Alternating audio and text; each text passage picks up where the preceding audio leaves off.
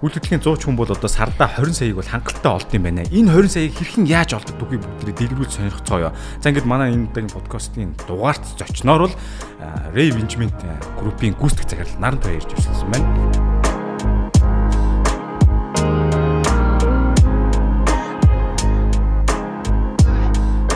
Инфо подкастыг та сонссноор магадгүй танд хэрэгтэй зүйл гарч магадгүй бах. Тийм учраас анхааралтай сонсоорой та ямар нэгэн ажил төрөл эсвэл бизнес эхэлж байх чинь саад бэрхшээл зөндөөл гарч ирсэн баг. Тухайн цаг үедээ бол дааж давшгүй их санагдаж байсан. Харин дараа нь эргээд харахад бол энэ жижигхэн асуудал байсан байдаг. Амжилтанд хүрсэн түүхийг бүгд л ярьдаг. Харин уналтын түүхийг баг хэн ч ярьдаггүй анзаарлаа. Тиймээс айцтайгаа нүүр тулан босож ирсэн болон ирээдүйд гарч болзошгүй жишээнүүдийг хуваалцахаар шийдлээ. Гэхдээ байзаараа бид нар ер нь яагаад ихэнхдээ алдаад бүдрээд байдаг вэ? Уналтаас сургамж авч санаа суй. Намаг Эрдэнэт гэдэг санаа суй подкастын хост байна. За ингээд санаа суй подкастт хүрэлцэн ирсэн баярлаа. Баярлаа. За ингээд юуны төрөнд одоо бид нар нөгөө Remax-аар хамгийн их ингээд үйл хөдлөхөрнгийн зуучиг бол ойлголттой байдаг. Тэгээ энийг дэлгэрүүлж мэд хэрэгтэй байна л да. Яг яг юу гэдэг нь сайн мэддэггүй. Ингээд realtor, agent, broker гэл зөндөө нэр шиг яваад те. Яг энэ хүмүүс маань яг яг юу гэдгийг ингээд товчхоноор та тайлбарлаж өгөөч. Яг ер нь бол нөгөө агент, realtor, broker гэдэг маань яг ажил үүргийн хуваар бол нэг ялгагдаад байхгүй.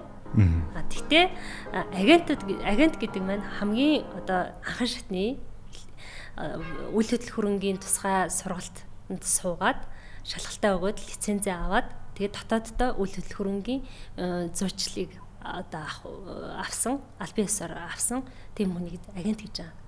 За брокер гэдэг нь болохоор арай агсан төвчний одоо үйл хөдлөх хөрөнгийн бүх талын өндөр төвчний төвшөнд бэлтгэгдээд тэгээд одоо тусгай брокерийн сургалтанд хамрагдаад лицензээ аваад Тэгээд э, одоо өөрөө ганцаараа ганцаарчилж ажиллаж болно. Эсвэл офс офс одоо аваад дотроо олон реалтор агентуудыг одоо зохион байгуулад үйл ажиллагаа явуулах хэрэгтэй тийм үнийг хэлж байгаа. За реалтор гэдэг нь маань болохоор олон улсын түвшинд гарч ажиллаа хийх боломжтой. Одоо Америкийн нэгдсэн улсад төвдөө үндэсний реалторуудын холбооны гишүүнчлэлийн үнэмлэхтэй тэгээд аль биесны тусгай зөвшөөрлөө авсан тийм үнийг реалтор гэж Аа зүг. Сая ингээд сургалтанд суугаад зөвшөөрлөө авдаг гэж ярьлаа шүү дээ. Тэгэхээр эднийг одоо яг ямар байгууллага өгдөг тийм хаанаас өгд юм бол? Яг одоо бол Монголд бол яг одоо санхүүгийн зохицуулах хорооноос одоо яг манай үйл хөдлөх хөрөнгийн зуучлалын байгууллагуудыг санхүүгийн зохицуулах хороотой одоо хороонд хариалагдаж явдаг. Тэгээд тэндээс одоо яг тусгай зөвшөөрлийн авсан одоо үйл хөдлөх хөрөнгийн дээвэр холбоо гэд байдаг тэр дээвэр холбооны сургалтанд суугаад тэгээд сургалтын шалгалтандаа тэнцээд тусгай зөвшөөрлөө авчдаг. Аа зөв зөв. За тэгвэл саянаас саяын ярианаас үүдээд асуухад бол Монгол нь хичнээн одоо энэ яг үйл хөдлөнгийн зуурчлагч хүмүүс үйд юм бол аль бие усны саяны шалгалтаа өгсөн тийм. А ер нь бол за үйл хөдлөх хөрөнгийн зууч хүмүүс гэхээс илүү үйл хөдлөх хөрөнгийн компаниуд аа саяхан санхүүгийн зохицуулах хорооны мэдээнээс харахад нэг 200 30-аад компаниуд байгаа. Тэгээд үндсэн одоо нөгөө бид нар чинь жишээлбэл үйл хөдлөх хөрөнгийн компаниуд хэдэн э, аль бисны агенттай гэдэг агентуудынхаа мэдээллийг санхүүгийн зохицуулах хороолоо явуулдаг. Тэр мэдээллээр бол нэг э, яг 1200 гэд 2 жилийн өмнө байсан. Одоо бол тэрнээс нэлээд давсан баг. Оо за олон юм байт юм тий. За одоо ихэнх хүмүүс ингэдэг те. За би байраа зармаар байна Тэнгүүдээ шууд ингээд үнгүүцэг юм ч юм уу сайтаар тавиад зарчдаг те. Тэгхгүйгээр яг энэ мэрэгжлийн зуршлагчаар давимцсны давуу тал нь юу юм. За тэгээд хоёрт нь болохоор эднэр маань яаж одоо орлогыг өсвөрн түрүү би дугаарыг хэн хэлсэн те. Сард дитийг болох боломжтой гэсэн. Энэ мөнгөө ер нь яаж шимтгэл мтгэл нь яаж үүдэн тэрийг би сайн мэдэхгүй байгаа байхгүй. Тэрийг дэвтэрүүлж ирвэл. Аа. Яг хүмүүс бол дээ. За би өөрөө зарчаа. Эсвэл би өөрөө одоо байраа хайж аваад өөртөө тохирсон байраа худалдаа тавьчаа гэд ингээд ярьдаг. Гэхдээ тэр донд чинь ингээд нөгөө үл хөдлөх хөрөн гэдэг чинь өөрөө хүний амьдралын туршид 3 4хэн удаа одоо солих боломжтой худалдан авалт том худалдан авалт байхгүй юу. Тэгээ тэр хэмжээгээр маш их хариуцлагатай, маш их бодож иж зөв сонголтыг хийх ёстой одоо зөвөр өдөр тутмын талах хувцас авч байгаа юм шиг шүү дээ. Тэгэхээр тэрийг маш урт удаан хугацааны явцад айгу бодож ээж эхлээд төлөвлөөд тэгээд ингээд судалгаа хийгээд явж ээж тэр үйл хөдлөх хөрөнгийг өөртөө тарсан үйл хөдлөх хөрөнгийг худалдаж аваа дээ. Тэгээд тэр хугацаанд бол маш их хүнээс нөгөө цаг хугацаа хүч хөдөлмөр шаардаад байдаг хгүй энгийн хүмүүс хуваар явал тий. Тэгэхээр харин та одоо жишээлбэл над дээр хүрдэрч а нараа би нэг тэр баян зүрхт өргөд нэг тим метр квадраттай Тэгээд нэг тийм үйл хөдлөлгөөр худалдаа тавьчмаар байна. Миний боломж нь одоо ийм байна. Тэ би нэг 250 саяд ингээд худалдаа тавьчмаар байна. Үлдсийн би банкны зээлэнд хамарчмаар байна гэх юм те. Тэгэд ингээд чи надаа шууд өөрийнхөө хүсэж байгаа нөхцөлийг хэлээд ирэх боломжтой байхгүй. Тэгэхээр би тэрэн чинь яг чиний хүсэл сонирхолд тааруулсан үйл хөдлөл хөрөнгийг чамд би маш олон сонголттойгоор гаргаж өгч үзүүлэн санал тавина гэсэн үг байхгүй. Тэгэхээр чи одоо маш олон тийшээ явж нөгөө цаг заваад зарцуулах шаардлагагүйгээр өөрийнхөө боломжтой үйл хөдлөл хөрөнгийг маш богино хугацаанд худалдаж авах боломжтой. Аа зөв зөв. Ер нь бол хувираа зарах чинь бол ер нь бас тийм сайнгүй биш юм байна те. Миний ойлгож байгаа бол өөрийнхөө цаг завыг зарцуулаад алтгал юм байна шүү дээ. А тий худалдаж авах авахчийн тухайд бол хэллээ. А нөгөө төгөр нөгөө зарах гэж байгаа хүмүүс шүү дээ. Тэгэхээр нөгөө хүн чинь ингээл за одоо Монголд хамгийн том сайт нь үнгөө байна тий. Үнгөө дээр зар тавилаа. Өө чамруулч ястаа хар мянган олон хүн утассан шүү дээ. Тэр болгонд чинь чи ингээл уцаар утсаар хариулахад нөгөө бусад ингээд үндсэн ажиллаа хийгээд явж юмэр шүү дээ. Тэрийг бусад нөгөө нэг мэрэгжлийн хүмүүст нь даатчихвал да чаддаг чаддгаа хийгээд шиг. Тэгээд явж гин. А нөгөө төгөр хоёрдугаар нөгөө төгөр болох тэр үйл хөдлөх хөрөнгө гэдэг чинь өөрөө маш хүний үн цэнтэй хөрөнгө хин нэгний насаараа цуглуулсан мөнгө үж идэг. Тэрийг найр цааш хөдөлгөнө гэдэг бол маш хариуцлагатай. Тэгээд хууль эрхцэн хувьд маш гүнзгий харилцаанд орж ийн гэсэн үг байхгүй. Тэгэхээр нэгсэндээ та аюулгүй байдлаа ч гэсэн зуучин компаниар дамжуулж байгаа да хангаж яах гэж үзэж байна. Аа зөв зөв. Монголчууд нийтлэг ойлголт нь бол нэр одоо юу гэдэг Remax юм юу гэдэг ингээд гүйдэл хөрөнгийн компаниар дамжуулчлаа. Тэд нь ингээд шимтгэлж жоохоор өөрөө авъя өөрөө зархад гэдэг. Гэхдээ сая ярианаас ойлгох юм бол угаасаа тэр шимтгэлийн хэмжээний зардлыг өөрөө явах юм бол гарах юм байна тий ганцаараа. Тэрний оронд ингээд мэрэгжлийн хүнд нөхчөөл гэж байгаа юм байна шүү дээ. Зөв ойлгосноо. Яг зөв. Жимэрсэн зөв ойлгосноо. За за. За тэгвэл дахиад нэг сонирхолтой юм байна. Одоо энэ үл хөдлөх хөрөнгийн зууч агент хүн хидийг олдог бай. Их сонирхолтой санагдаж байгаа надаа. Энэ талаар одоо багаас нэхлээ дээшлүүлж ер нь комисшн одоо тэр шимтгэл нь ямар байдгийг жоохон дэлгэрүүлж ярил те. Яг зөвөр үйл хөдлөх хөрөнгийн ажил чинь өөрөө яг ингээд нэг тогтмол цалин аваад ажилтдаг ажил биш байхгүй юу? Тэгэхээр одоо жишээлбэл маш удаан хугацаанд орлогогүй явж иж болно. Яа тэгэхээр саяны миний хэлдэг шиг өдөр бүр зарагддаг юу биш болохоор ингээд айгүй удаан хугацаанд чи орлогогүй явж болно. А гэхдээ энэ болохоор яг би нөгөө нэг яагаад энийг яриад байна вэ гэхээр дөнгөр шинээр агент болж байгаа хүмүүс зориулж яриад байгаа. А одоо бол бид нэр ингээд зах зээл дээр зөндөө удчихсан тий зах зээлээ мэддэг болсон тодорхой хэмжээний харилцагчтай болцсон ийм байгаа үед бол бид нэр хэн илүү мундаг хурдтай хэн илүү хичээж ажиллаж чинь тэр хүн илүү ихийг авна л гэсэн. Яг хоо ерөнхийдөө шимтгэлийн хувьд бол орон сууц 2.2%. За тэгээд нүүл хөдлөх хөрөнгүүд чинь айгүй олон төрөл шүү дээ тий. Тэгээд одоо зориултаасаа хамаарат 5.5% хүртэл одоо 2.2-оос 5.5% 5.5% хүртэлх шимтгэл бол одоо яг Монголын зах зээл дээр тогтцсон юм. Аа зүг зүг. За тэгээд зүгээр миний ойлгосноор л нэг хэсэг чимээгүй орлогогүй явж байгаа л гинт цөм их юм байна шүү дээ. Ер нь бол юма зарч чадвал бас. Тий, ер нь бол тий. Тэр чинь хэдэн тэр бүм юм зарчих юм бол тэгээ шимтгэлээр бол. Тий шүү дээ. Алах нь нэ. Аа яа яа. Чи бас том бизнес шүү дээ мөнгө хийдэг. За ингээд сайн юу ярьлаа ингээд ерөнхий ойлголтыг бидэнд өглөө яг ингээд үүдүүд хөрөнгөний зууч агент хүмүүс юу гэдгийг бид мэдж авлаа. Яг мэрэгжлүүнд хаантахыг нь ойлголоо. За тэгээд хэрэв болохыг хүсэж байгаа юм байх юм бол ер нь дамжлага хэрэг яг түрүү сургалтын цон гэж ярьсан те. Тэрийг ингээд жоохон дэлгэрүүлээ ярих юм бол хэд удаагийн сургалтын ямар шалгалт өгдөйн те. Тийм зүйл байна аа Яг одоо ингээд үйл хөдлөх хөрөнгийн зуурч гэдэг ч юм уу, агент ч гэдэг юм уу гэдэг ч юм уу маш олон хүмүүс гадуур агент болж ин л доо. Тэгэхээр энэ агент болохоос өмнө өөрсдөөсөө айгүй юм асуух хэрэгтэй, өөрсдөө бэлдэх хэрэгтэй тий. Жишээлбэл яг түрүүний миний хэлдгээр одоо дөнгөж сургуулаа төгсөж байгаа хүмүүс агент болъё гэхээр яг түрүүний асуудал толгордог байхгүй юу? Би 2 сар борлуулалтгүй явж чадахгүй? Аа. Тэ би амралтгүй ажиллаж чадахгүй юу? Миний одоо арга гэрт ямар хүмүүс байгаа байлээ? Би эсвэл одоо тогтмол цалингаа сая 500 сая төгрөгийнхаа цалингаа аваад явах юм уу? Эсвэл 2 сар ч юм уу би эрсдлээ үүрч жагаад дараагийн сар би 10 сая 5 саяг аваад явж чадах юм уу гэдэг асуултаа эхлээд өөртөө тавих хэрэгтэй. Хоёрдугаар болохоор энэ бизнесийн өөрийнх нь цаанаасаа шаарддаг онцлог нь бол ёс зүйг маш их шаарддаг байна. Тэгэхээр мэдээж э, бид нар бол одоо ингээд өөрөөсөө асуу гэж байгаа би ямар одоо ёс зүйтэй хүн бэ? Тэ би шудраг ажиллаж чадах уу? Худалдагч худалдан авахч хоёр талд би яг эвдэгш харьцаж чадах уу? Өөрийнхөө хувийн одоо зан чанарыг ажилтаагаа хольж чадах уу?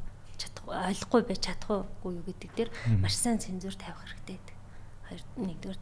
А тэгээ ер нь энэ асуудлаа ингээд шийдчихэд окей би бол одоо агент миний амьдрал муу юм байна гэсэн цагтаа шитгэл сулжуулуудад орох хэрэгтэй.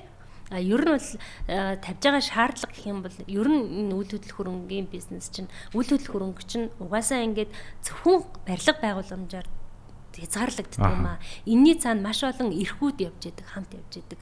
Бүр цаашдаа улс орны хөгжил энэ төр гээд маш том өргөн хүрээний э, асуудал яригддаг байхгүй юу. Тийм болохоор яг одоо гадуур бол агентуудыг өө насгүй сарилцахгүй мэрэгжил харгалцахгүй л гэдэг байгаа тий. Гэхдээ бид нар одоо зуучилж байгаа хоёр талаа тэнцвэртэй мэдээллээр хангахын тулд одоо шаардлагатай мэдээлэлээр хангахын тулд бид нарт бүх талын мэдлэг хэрэгтэй байх шаардлага өөрөө цаанаасаа аяндаа үүсчдэг. Зүг тань ярин сая ойлгох юм бол за ёс зүйтэй байх хэрэгтэй гэж энэ нэг хоёрт нь нэг хууль дүрмийг бол бас нэлээд сайн мэдэх хэрэгтэй юм байна шүү дээ тийм. Одоо үйл хөдлөх хөрөнгөний гэрээ мэрэг ч юм уу тийм.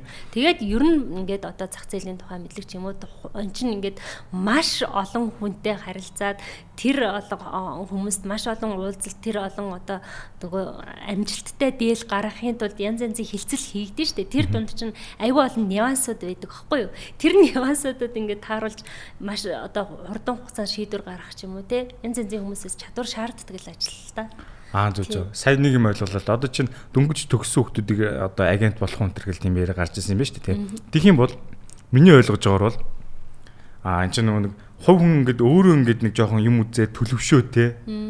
Тэгээд нэг эт гэж ярддаг те. Ёс суртахуунтай суугаад болсон үед бол ийшээ орвол бас зүгээр юм болоо гэж бодлогдлоо. Яг л хүмүүсийн харилцаанд орж байгаа учраас тэр хүн чинь нэг ёс зүйтэй байна гэдэг чинь шууд ингээд банк гэж суугаад шүү дээ. Нилээ нэг жоохон нас одоо муугаар хэлэх юм бол нас насалж ээж хүнд ингээд өөртөө төлөвш үлдэн шээ тий.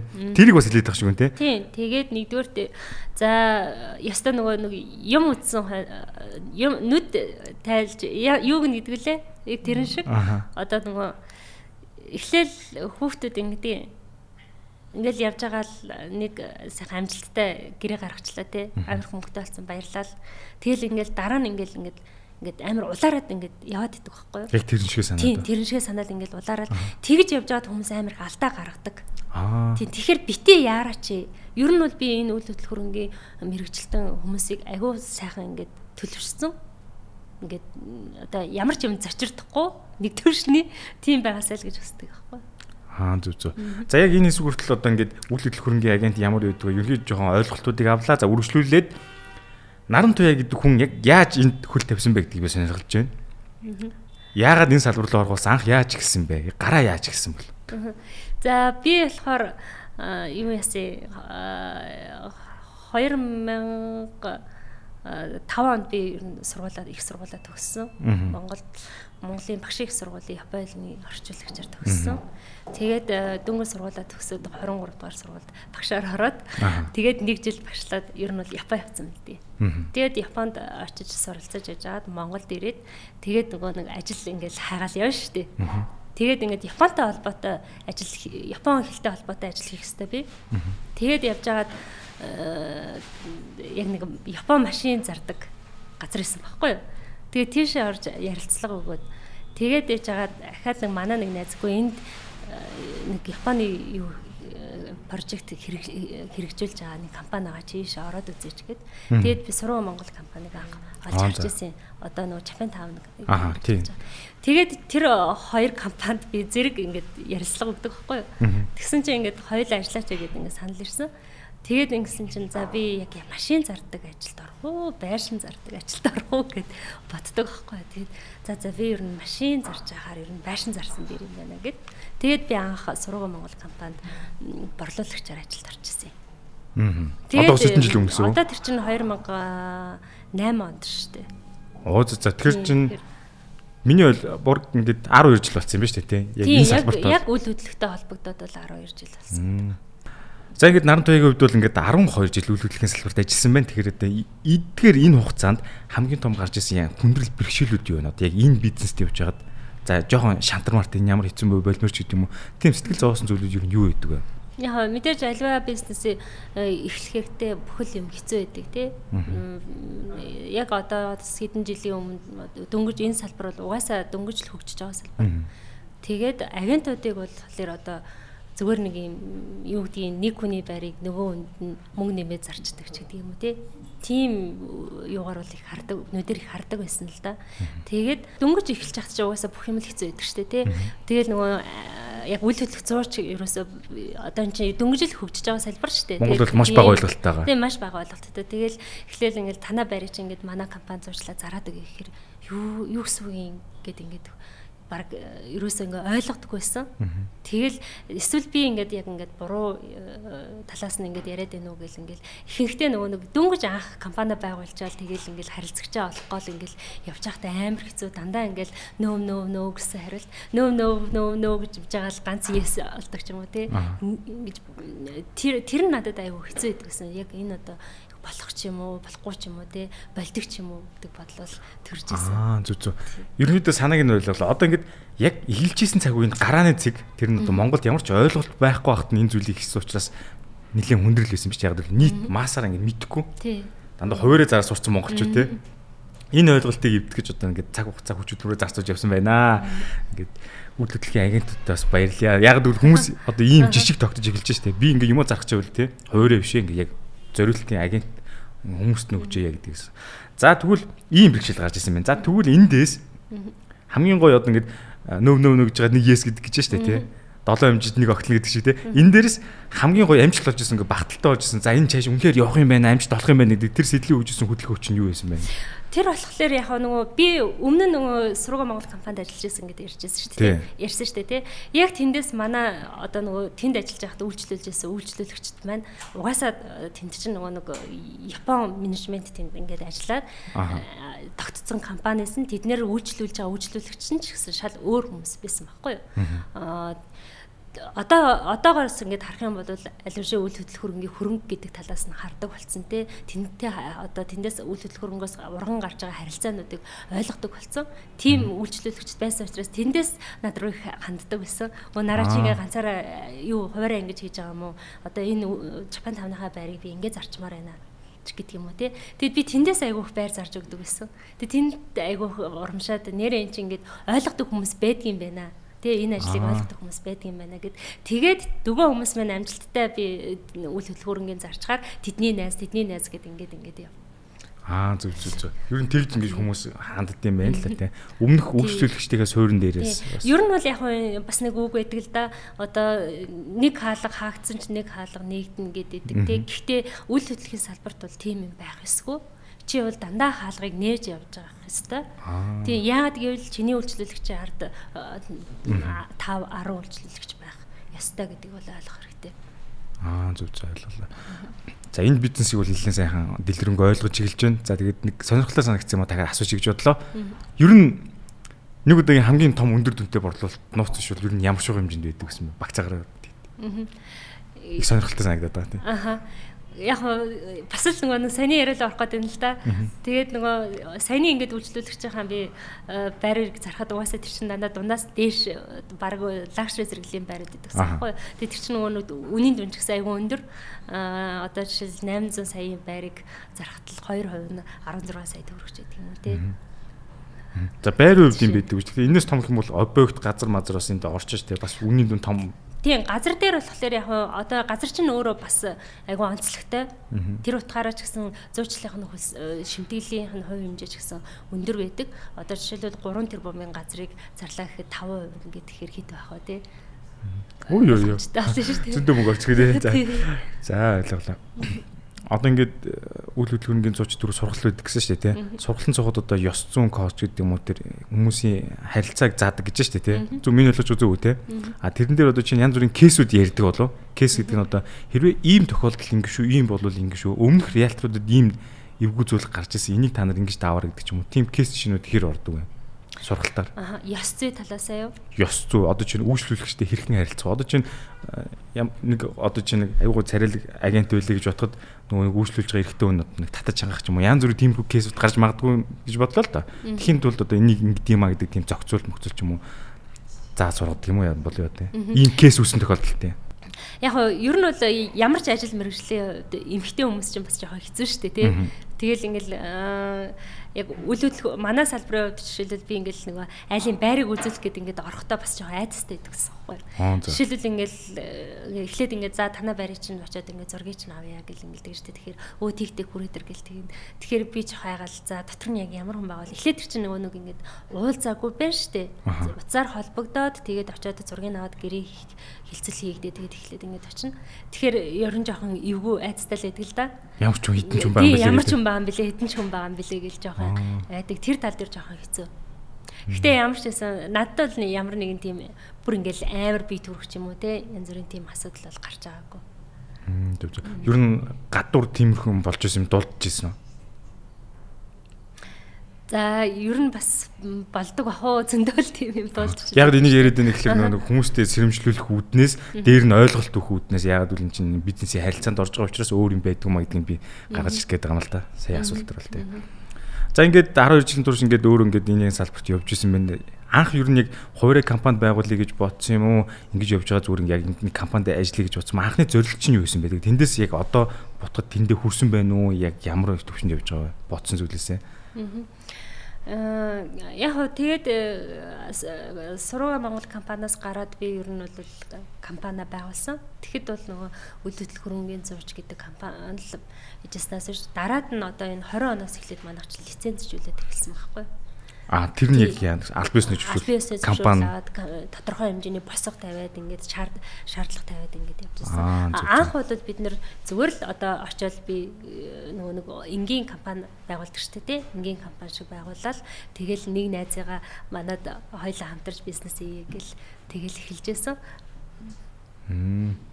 Аа тэгвэл ингээд шууд ингээд бэлэн компани байгуулна гэж болдгоо юм дэ тусгай зөвшөөрөл шаарддаг юм ба шүү. Тийм одоо бол 20 оноос эхлээд санхүүгийн зохицуулах ороноос бүр ингээд тусгай юу журам гаргаад тэгээд тодорхой хэмжээний шаардлагуудыг хангасан компаниудад тусгай зөвшөөрөл олгоод. Аа зүг зүг. Тэгвэл яг миний ойлгож байгаа энэ тусгай зөвшөөрөл шаарддаг болсноос хойш ер нь зэгцэлж байгаа гэсэн үг юм ба шүү дээ. Шаардлага хангаагүй жижиг компаниуд нь ингээд зах зээлээс арчигдана гэж ойлгож байгаа зүг үү? Тий. Ер нь бол энэ тусгай зөвшөөрөл гарснаар биднэрт бас айгүй боломж бас давхар нэгдэж байгаа байхгүй юу? Тэгэхээр тусгай зөвшөөрөлтэй байна гэдэг чинь ямар нэг юм ингээд тусгаалаад энэ хүмүүс чинь ингээд хэрэгтэй юм шүү гэдэг үүднээс гаргаж өгч байгаа шүү дээ. Тэгэхээр нөгөө талаараа хэрэглэгч ч гэсэн бид нарыг хүлээн зөвшөөрөөд чи албан ёсны юм тусгай зөвшөөрөл лицензийг аваад ажиллаж байгаа хүмүүс юм байна. Бид нар эдний үйлчлэгийг авах хэрэгтэй юм байна гэдэг бас хэрэглэгч талтаа бас нэг тийм өөрчлөлт орж байгаа Аа зүг зүг ойлголоо. За тэгээ түрүүний асуудалтаас одоо ургуулаа дахиад явах чинь л та. Яг хаана хүрийг зорж исэн тэндээ хүрч чадсан уу гэж асууж ирсэн шүү дээ тий. Тэгэхээр эндээс ургуулад цаашдаа ер нь ямар компани болъё гэж бодож байгаа. Одоо энэ нэг оргил нь юу гэдэг тий.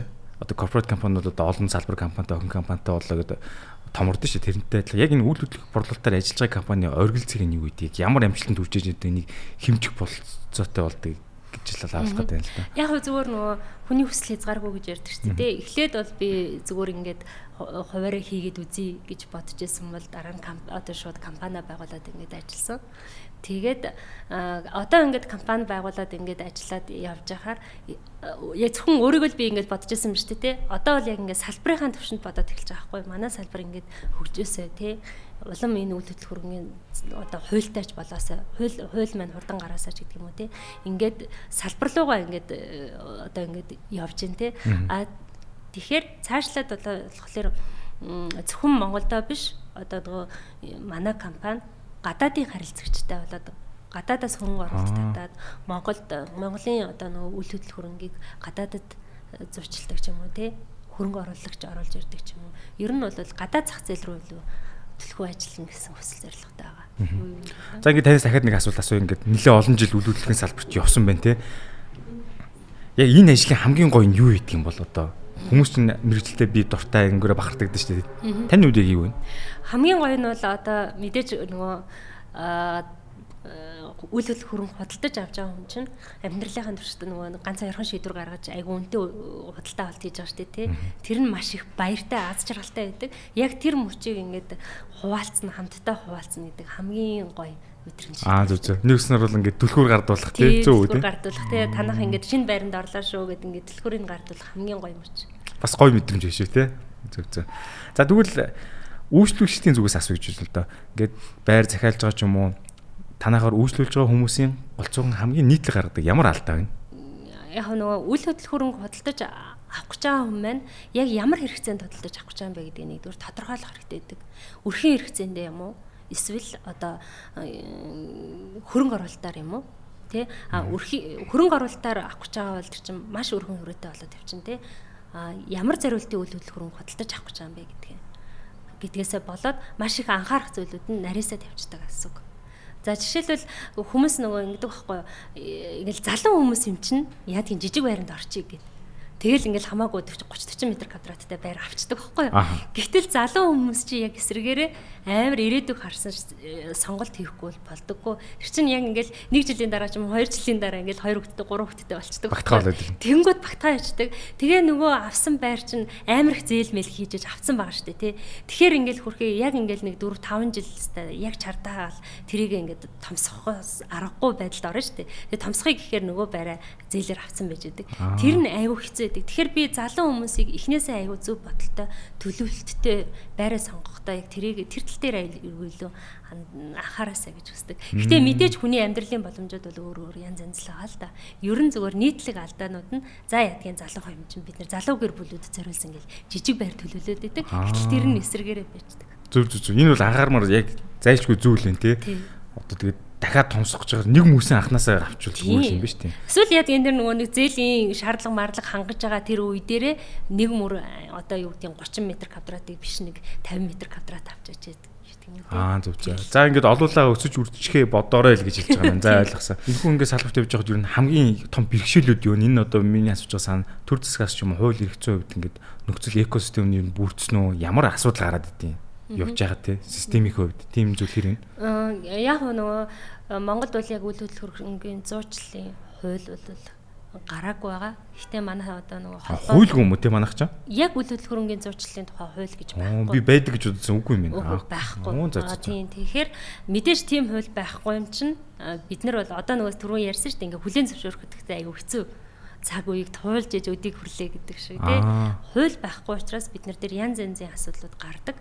Тэгээд одоо бол гэхдээ удахгүй манай хуулийн э, хилэлцүүлэг хийгдэх төсөл дээр явж байгаа өргөн баригдах гэж байгаа юм билээ тийм. Суурь нь бол тавигдсан байна. Суурь нь бол тавигдсан.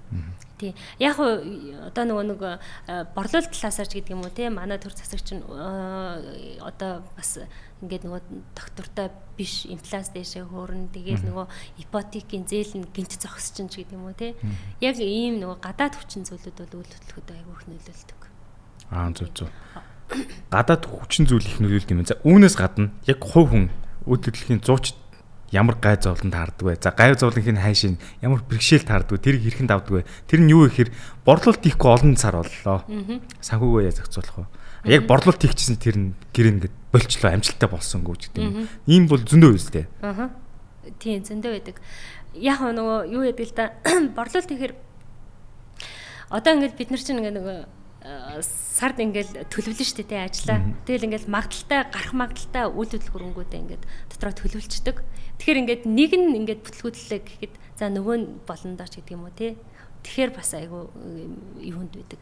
Одоо ингээд үерч гэх юм уу те? Аа олон хувилбартай байна шүү. олон хувилбартай. Тэгэхээр ингээд нэг юмд ингээд нөгөө хитрхийн найдал тэрэнд амар цаг хүч цаг зав хүч хүчин чармаалтай айгүйх ингээд э, зориулж исэн чинь бүтгэө байж магалсан дээр те? Тэр үед бол бас айгүй хувьцаа шиг юм биш те. Өнгөө нэг сагсанд бити хий гэдгийг айгүй гоё хэлчихлээ за тиймэрхүү юм болд юм байна. За ингээд та түрүү ингээд хэлчихсэн те нэлээ ингээд нийт монголчууд хүмүүс ингээд танигдахад айгүй хүнд байсан гэжсэн. Ингээд таниулах явж байгаад ингээд хүмүүс ойлгохгүй байхад ингээд шантрах зүйл гарч ирсэн. Тэр нь одоо өөрөө өөртөө дотоод тэмцэлжсэн. Би юу юу гэдэг нь болдог ч юм гэсэн. Тийм одоо зүйл юу өглөдлөхийн зууч хүмүүст хэр гард юм бол. Оо тэр чин бол зэн дээр дээ. Яг ингээд болио гэл болио гэл ингээд боджээтэл гараад ирдэг байхгүй юу?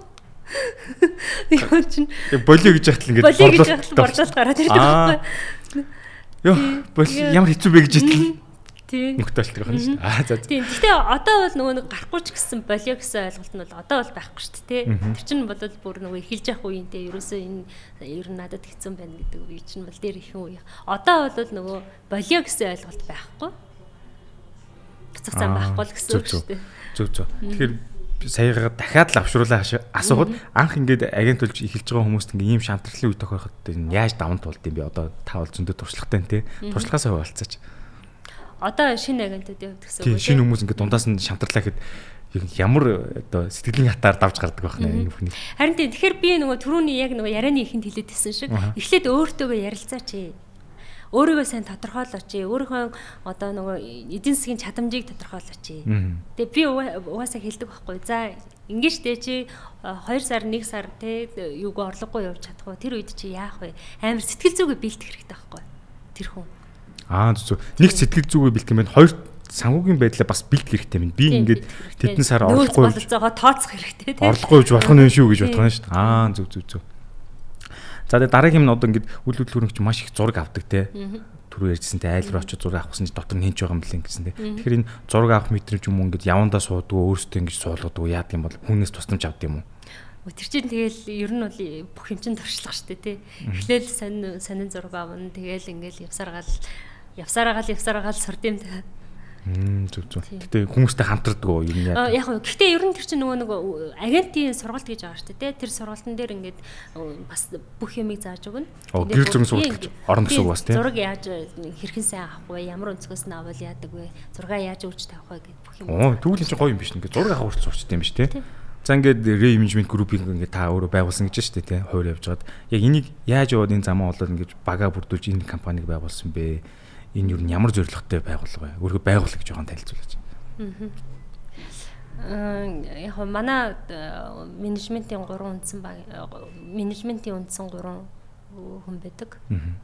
Аа манай үйл ажиллагаа хариуцсан захирал наран бас адилхан нарантай борлуулалт хариуцсан захирлалтай наран зол гээд наран зол битээр бол бас яг 2017 оноос хойш би нөгөө хамт явж исэн найзтайгаа яг л хамтарч ажиллаж байсан найзтайгаа ингээд юу яагаад?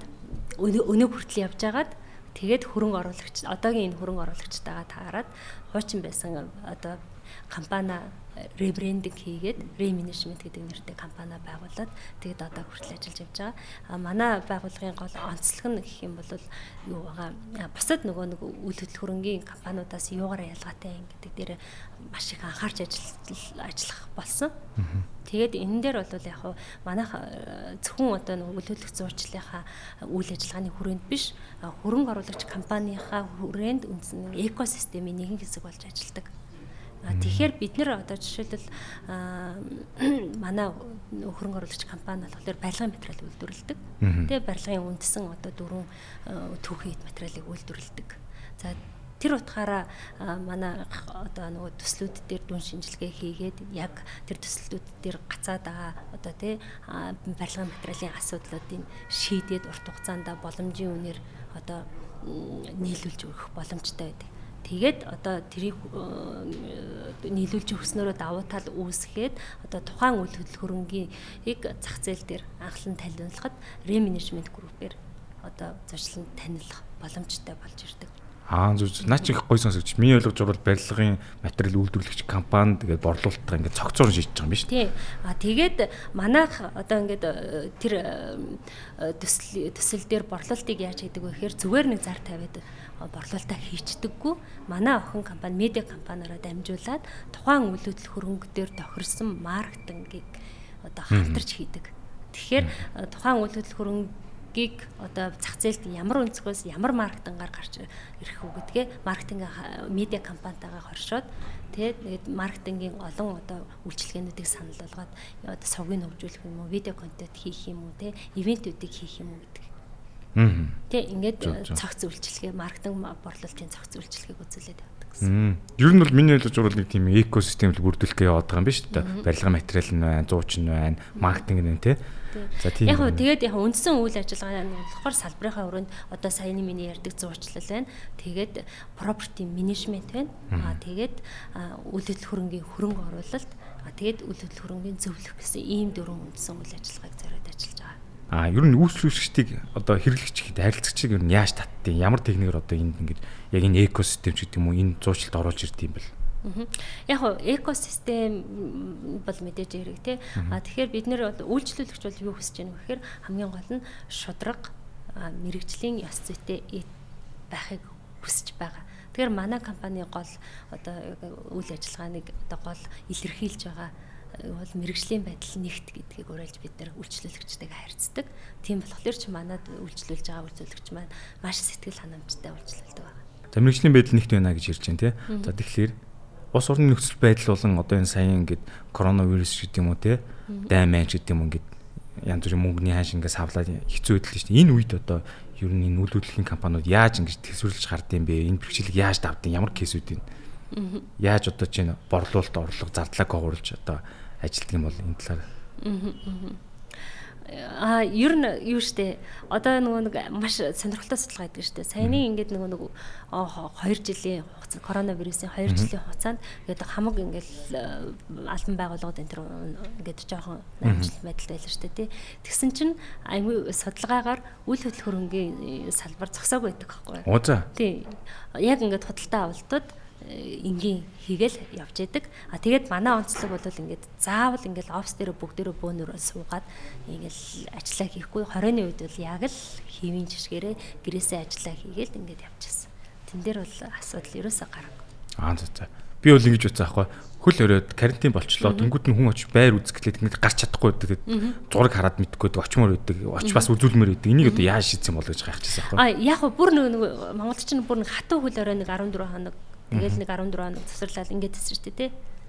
Тэр үеэр бол хатуу хөл оройны үеэр бол ойлгомжтой гарахгүй л тий.